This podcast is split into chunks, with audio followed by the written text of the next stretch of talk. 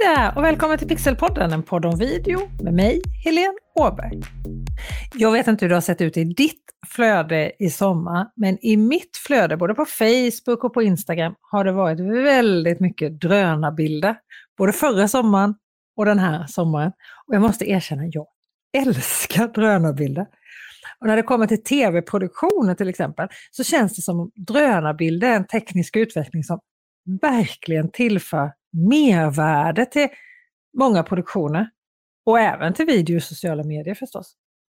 Men som med så mycket annat så finns det ju en hel del regler att förhålla sig till när det kommer till drönare. Både att få flyga drönare men också vilka bilder du får dela offentligt i sociala medier till exempel.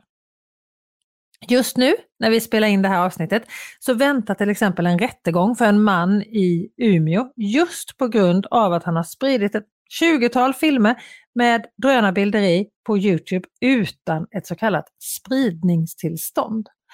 Han står nu åtalad för brott mot lagen om skydd för geografisk information. Det här är första gången som någon står åtalad för ett sånt här brott i Sverige och lagen har ändå funnits sedan 2016. Kanske ska säga också att den här mannen nekar till brott. I det här avsnittet ska vi reda ut vad som gäller när vi vill använda drönarbilder så att vi inte blir åtalade vi också. Jag har därför bjudit in Arne Bergqvist, utredare på Lantmäteriet som har hand om de så kallade spridningstillstånden för drönarbilder. Varmt välkommen till Pixelpodden, en podd om video Arne. Tackar, tackar. Om vi börjar med rättegången i Umeå. Vad gäller det här åtalet egentligen? Ja, det är precis som du säger. Han har publicerat material insamlat från drönare utan spridningstillstånd. Och, så enkelt och varför, är det. Varför är det straffbart?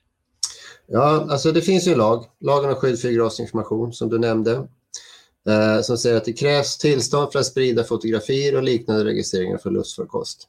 Eh, det här det är ju egentligen inget nytt. Eh, den här regeln har funnits i olika regleringar sedan 40-talet. Eh, det är Försvarsmakten som har haft hand om det. Ansvaret för det här gick över från Försvarsmakten till Lantmäteriet då 1 maj 2016 när den nya lagen trädde i kraft. Men varför finns det en sån lag? Varför skulle det vara farligt att sprida sån här information? Jo, vi har ju så kallade skyddsobjekt i Sverige. Eh, Länsstyrelsen tar beslut om civila skyddsobjekt, Försvarsmakten tar beslut om militära skyddsobjekt. Eh, ett beslut om skyddsobjekt innebär i grunden bara egentligen tillträdesförbud. Men man kan då lägga till ett förbud mot uh, avbildning, säga, avbildningar, mätningar av ett, det här objektet. Och då innebär det ju fotoförbud naturligtvis, om man inte får avbilda de här objekten ska ju vara skyltade och då om man fotar från mark ska man kunna observera skyltningen och då räcker det, då är det skyddslagen som gäller. Men kommer man upp en bit i luften och får lite större vyer så kan det vara väldigt svårt att observera den här skyltningen. De här skyltarna är ungefär en A4 stora. Så kommer man en bit bort så, så kan de försvinna helt enkelt i, i det övriga blurret. Eh, det kan också vara lätt när man kommer lite snett, snedbilder att det är skog, skymmande skog, det kan vara skymmande byggnader och så likt. Så man kommer, eh, vilket gjorde att man ville ha kvar den här extra skyddet. Det är som ett komplement till skyddslagen kan man säga. att Ett extra skydd, att det finns en granskande myndighet för just eh, material insamlat från luften.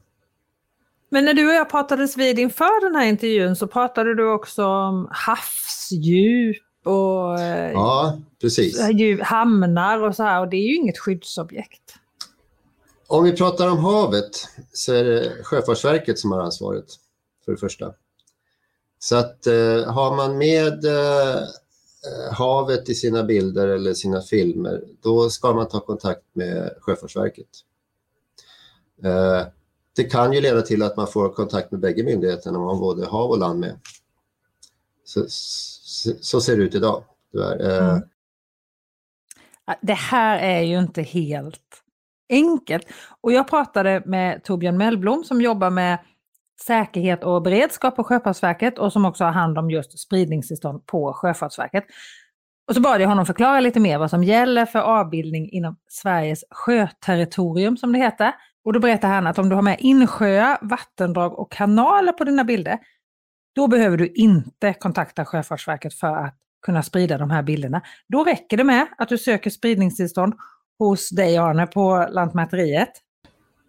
Och är det, är det, bara, är det bara insjön, alltså du har inget land med, då, är det, då behöver du inget tillstånd alls.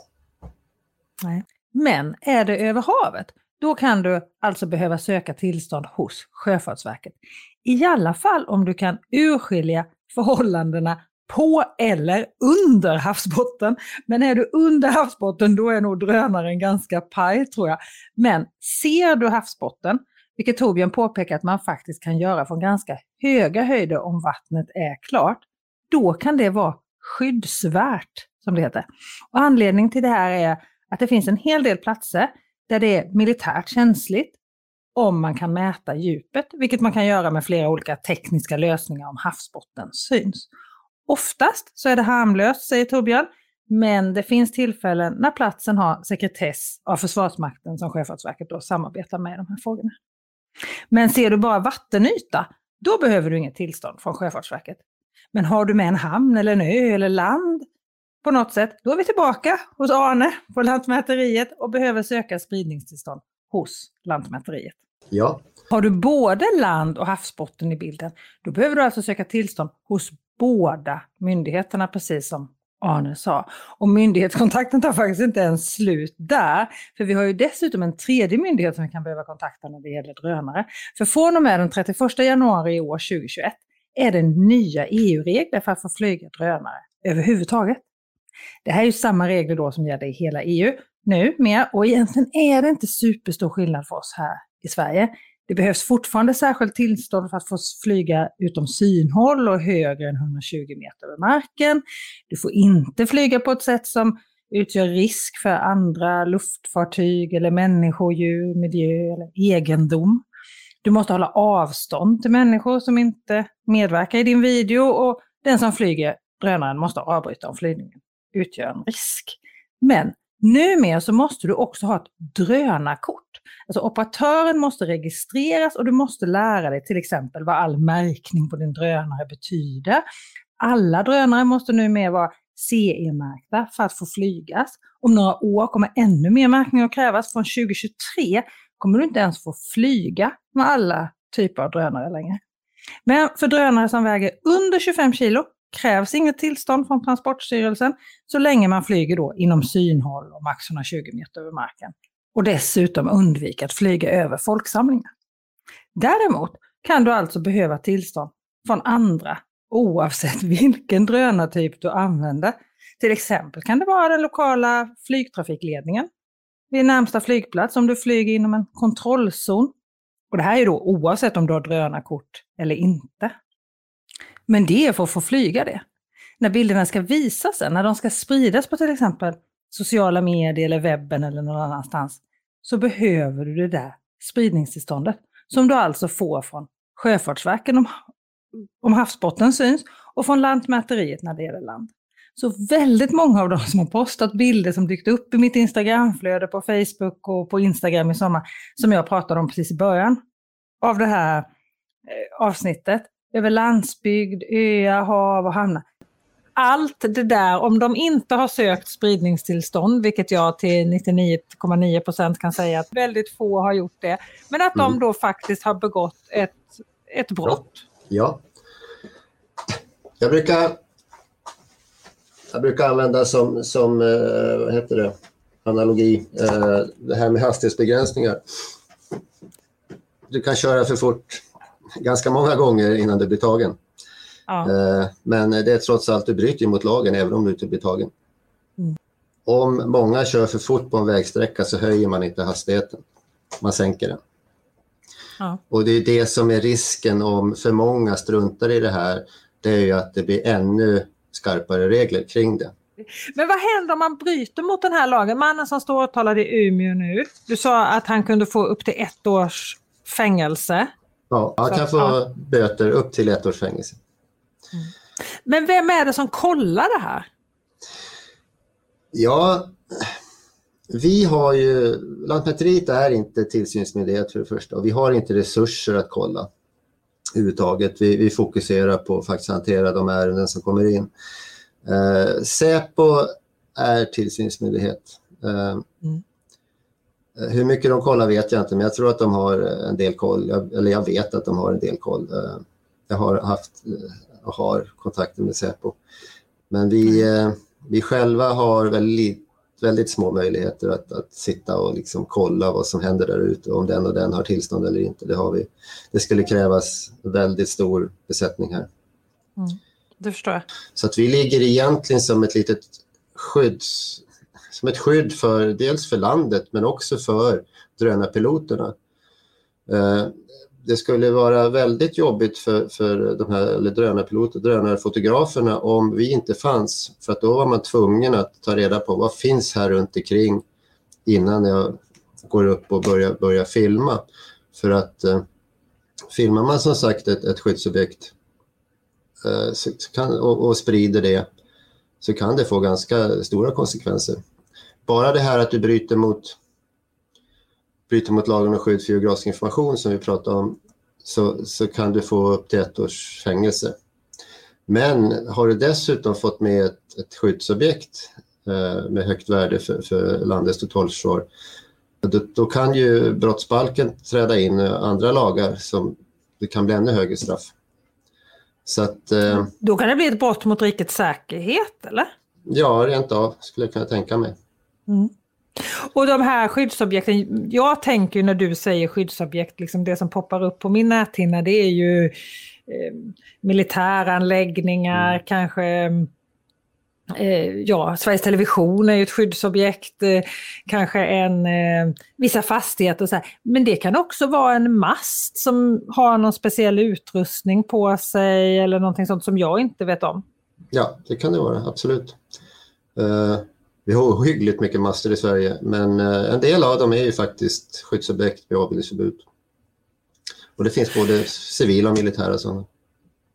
Men måste jag alltid ha ett sånt här spridningstillstånd?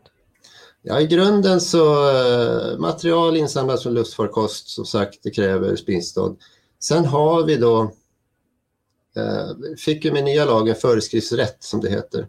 Så vi har skrivit föreskrifter om, om undantag och, och, lite annat om ansökningsprocessen och lite sånt. Men, och vad är det, det som är undantaget då? Ja, det som är, det är en hel del faktiskt. Eh, vi, vi har eh, för 13 punkter vi är uppe nu. Jag ska inte dra alla, men offentlig plats är ju en sån där intressant. Eh, det är enligt första kapitlet, andra paragrafen ordningslagen. Det kan ju vara parker och torg och liknande. Men då är det, då är det parken och ingenting utanför parken, den, den naturliga avgränsningen parken. Är det torget så är det torget och inte byggnaderna runt torget. Det liksom definieras av avgränsningen av, av det som beskrivs. Eh, vi har också fått med område för offentlig tillställning eh, som kan vara ett musikevenemang till exempel. Håller man sig till själva evenemanget så, eh, så är man undantagen. Så det, det, innebär att man skulle kunna livesända till exempel från ett musikevenemang eh, utomhus. Men då får man liksom låta bli de här vyerna runt omkring. Mm. Eh, vi väldigt tidigt började prata om att det här blir intressant för mäklare. Så att eh, om man fotar eller filmar själva bostadsbyggnaden med tillhörande tomtmark och garage, lekpark, håller sig till det, då är man undantagen. Men så fort du lyfter blicken och vill ha en vy ner mot sjön eller över skogen, då, då blir det tillståndspliktigt. Eh, Åkermark. Jag har sett ganska ofta att man flyger över åkrar, de här gula fina rapsfälten till exempel, och man ser ingenting annat än bara rapsfält. Då är det okej. Okay. Eh, mm. Men så fort man vill ha med vyer utanför det här avgränsade området, då blir det tillståndsplikt. När man kommer till de här fina vackra bilderna, de här härliga ja, bilderna, det är då, då ska man ha spridningstillstånd helt Ja, så kan man säga. Men om jag klättrar upp i masten på en segelbåt när jag ligger i hamn där på den här vackra ön och, och egentligen jag får nästan samma material eller jag mm. filmar från sjunde våningen på ett torg och får med husen runt omkring med en vanlig mm. kamera. Är det samma regler då? Nej, då behöver du inget tillstånd. För då är det inte från luftfarkost. Och det är liksom, alltså pratar du med en jurist så är det väldigt tydligt. Jurister läser lagen och de läser ju även de här eh, förarbetena till lagar. Och även om du flyger upp med drönaren och ställer den på ett tak och fotar, då behöver du tillstånd. Men går du själv upp på taket och fotar behöver du inte tillstånd. Så det är att det är en luftfarkost, det är det som gör att man behöver de här tillstånden? Ja. Mm. Men är det havsbotten som syns så påpekade Torbjörn Mellblom på eh, Sjöfartsverket att då spelar det ingen roll. Är det en plats som inte får visas havsbotten, alltså hur, där man inte får avbilda havsbotten, så är det. Och då är det avbildningen som är olaglig, inte att den är filmad med en flygfarkost. Så det här är lite, dessutom då lite olika regler. Men visst har jag förstått dig rätt Arne, att det bara är spridningen som är olaglig. Om jag ska använda bilderna för privat bruk så behöver jag inte söka något spridningstillstånd, eller hur? Ja, i princip. Det, det där är lite... Lite gråzoner finns det ju här. Det man säger är att spridning inom en organisation till endast ett fåtal eh, ses inte som spridning i juridisk mening. Det innebär att en organisation, med en organisation så, så, så menar man också närmaste familje eller vänkretsen. Mm. Vad ett fåtal är, är inte klarlagt riktigt. Men ja, någonstans, jag brukar säga en handfull, någonstans ja. mellan tre, tre och nio det har pratats en hel del om undantagen. Du pratade lite om mm. undantag, men det ryktas ju väldigt mycket om så här, så länge du inte får med horisonten ja. är det inga problem. Och, uh, du kan göra, jag tar alltid bilder som är, jag flyger inte så högt mm. eller jag vet vad jag filmar och då behöver jag inte ansöka. Vad säger du till dem?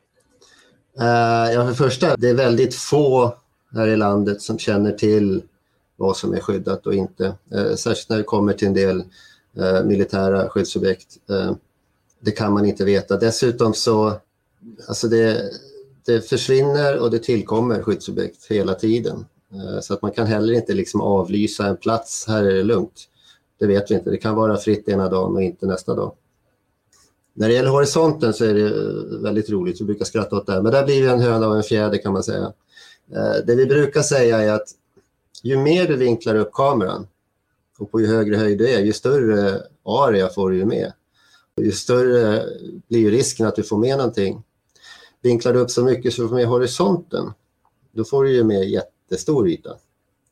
Dessutom så är det så att sånt som sticker upp över horisonten kan synas väldigt tydligt på väldigt långa avstånd. Eh, om man jämför med om det är till exempel är skogsbakgrund. Och där har vi kommit in på det vi börjar med nästan, där med master till exempel. Det mm. finns en del master som är känsliga och brukar säga att undvik master i horisonten. Så det, det kan vara känsligt. Det behöver inte vara det, men det kan vara det. Men då menar du inte, så länge du undviker master i horisonten så är du fri att visa ditt material, utan du menar då är det större chans att jag ger dig tillåtelse att sprida det här materialet? Exakt. Så att mm. Horisonten är totalt ofarlig i sig. Men eh, du får med stora ytor och du får lätt med saker som sticker upp. Man vill så ja. gärna få ut och få ja. använda det här materialet och därför så vill man tolka det här på ett sätt som tjänar ens egna syften, tänker jag. Mm. Ja, men sen ser jag väldigt ofta också att eh, lite kan kännas onödigt ibland. Man, man eh, man går upp och tar de här 360 eh, horisontbilderna bara för att det går. Eh, mm. Istället för att faktiskt fokusera på det man vill, man vill filma och fota. Eh, jag ser många, i många fall att man skulle kunna faktiskt, de, de ger inte så mycket de här 360 horisonterna till det man faktiskt vill fokusera men de är på. Ja, men det finns ju tiotusentals likadana. Det är bara skog, skog, skog och horisont, horisont, horisont. Jag... Jag förstår vad du menar, men det är, ja, ja, jag förstår andra sidan också om jag ska vara helt ärlig. Hur går jag tillväga då för att söka ett spridningstillstånd? Eh, när du går in på Lantmäteriets hemsida, eh, enklaste sättet att hitta tror jag är att skriva spridningstillstånd i sökrutan där så kommer man in på, på våra sidor så att säga. Där finns det en del eh, matnyttig information för det första och sen lite tre steg man ska tänka på. När man kommer till tredje steget så kommer man fram till en, en, eh, ett webbformulär. Mm. Och det fyller man bara i. Eh, det är inte så mycket att fylla i. Det är namn, adress och kontaktuppgifter. Eh, och, och sen så klickar man på skicka, så skickas det. Och när man har skickat det så genereras ett automatsvar. Och I det automatsvaret så får man då instruktioner om hur man, hur man ska skicka materialet till oss. Vi har två sätt att skicka in. Man kan skicka in via ett externt lagringsmedia, via post. Har man klickat i det då i, i formuläret så får man information om hur man, hur man hanterar det. Det vanligaste dock är att man klickar i eh, vår filskickstjänst Mm. och då får man en länk till en filskickstjänst som man bara öppnar och laddar upp sitt material och skickar iväg det. Det kan ju vara ganska stora filer som ni får här, tänker jag. Det kan vara ganska mycket ibland, ja. Hörde någon som hade skickat 500 gig här om veckan. Ja. Jag kan tänka mig att det kan bli en del väldigt stora filer. Om jag då har både hav och land i de här bilderna så behöver jag då göra precis samma förfarande till Sjöfartsverket med samma material. Ja, precis. Eh, jag ska säga när det gäller ansökan så en av de viktigaste delarna där det är ju platsinformation. Eh, för att vi överhuvudtaget ska kunna granska ett material så måste vi veta var det är taget någonstans. Eh. Mm. Och då kommer man till en ruta där i, i ansökan där det står geografisk referens. Och där fyller man i då så exakt som möjligt, gärna med koordinater och komplettera med någon ortnamn. Det finns där ovanför den rutan så finns det en länk till en karttjänst. Eh, där kan man bara klicka i kartan, här var jag. Så får man upp en ruta med koordinater, fastighetsbeteckning och om det var något mer. Den kan man bara kopiera in i, Mm. in i ansökan. Och sen är det så att man kan ju ansöka om flera platser i samma ansökan. Det är inget problem.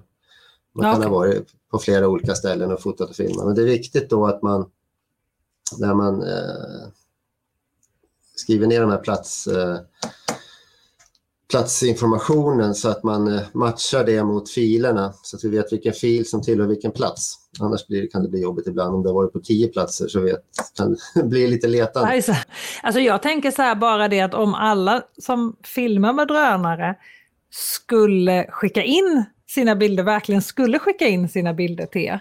Skulle ni ha resurser att möta efterfrågan då? Vi försöker ju titta på utvecklingen och, och göra våra bedömningar. Det blir ju i bästa fall kvalificerade gissningar men, men vi, har ju, vi har ju växt ganska mycket här kan jag säga. Eh, just senaste veckorna nu så kommer det in 100 ärenden i, om, om dagen. Så jag tror Oj. att väldigt många ansöker.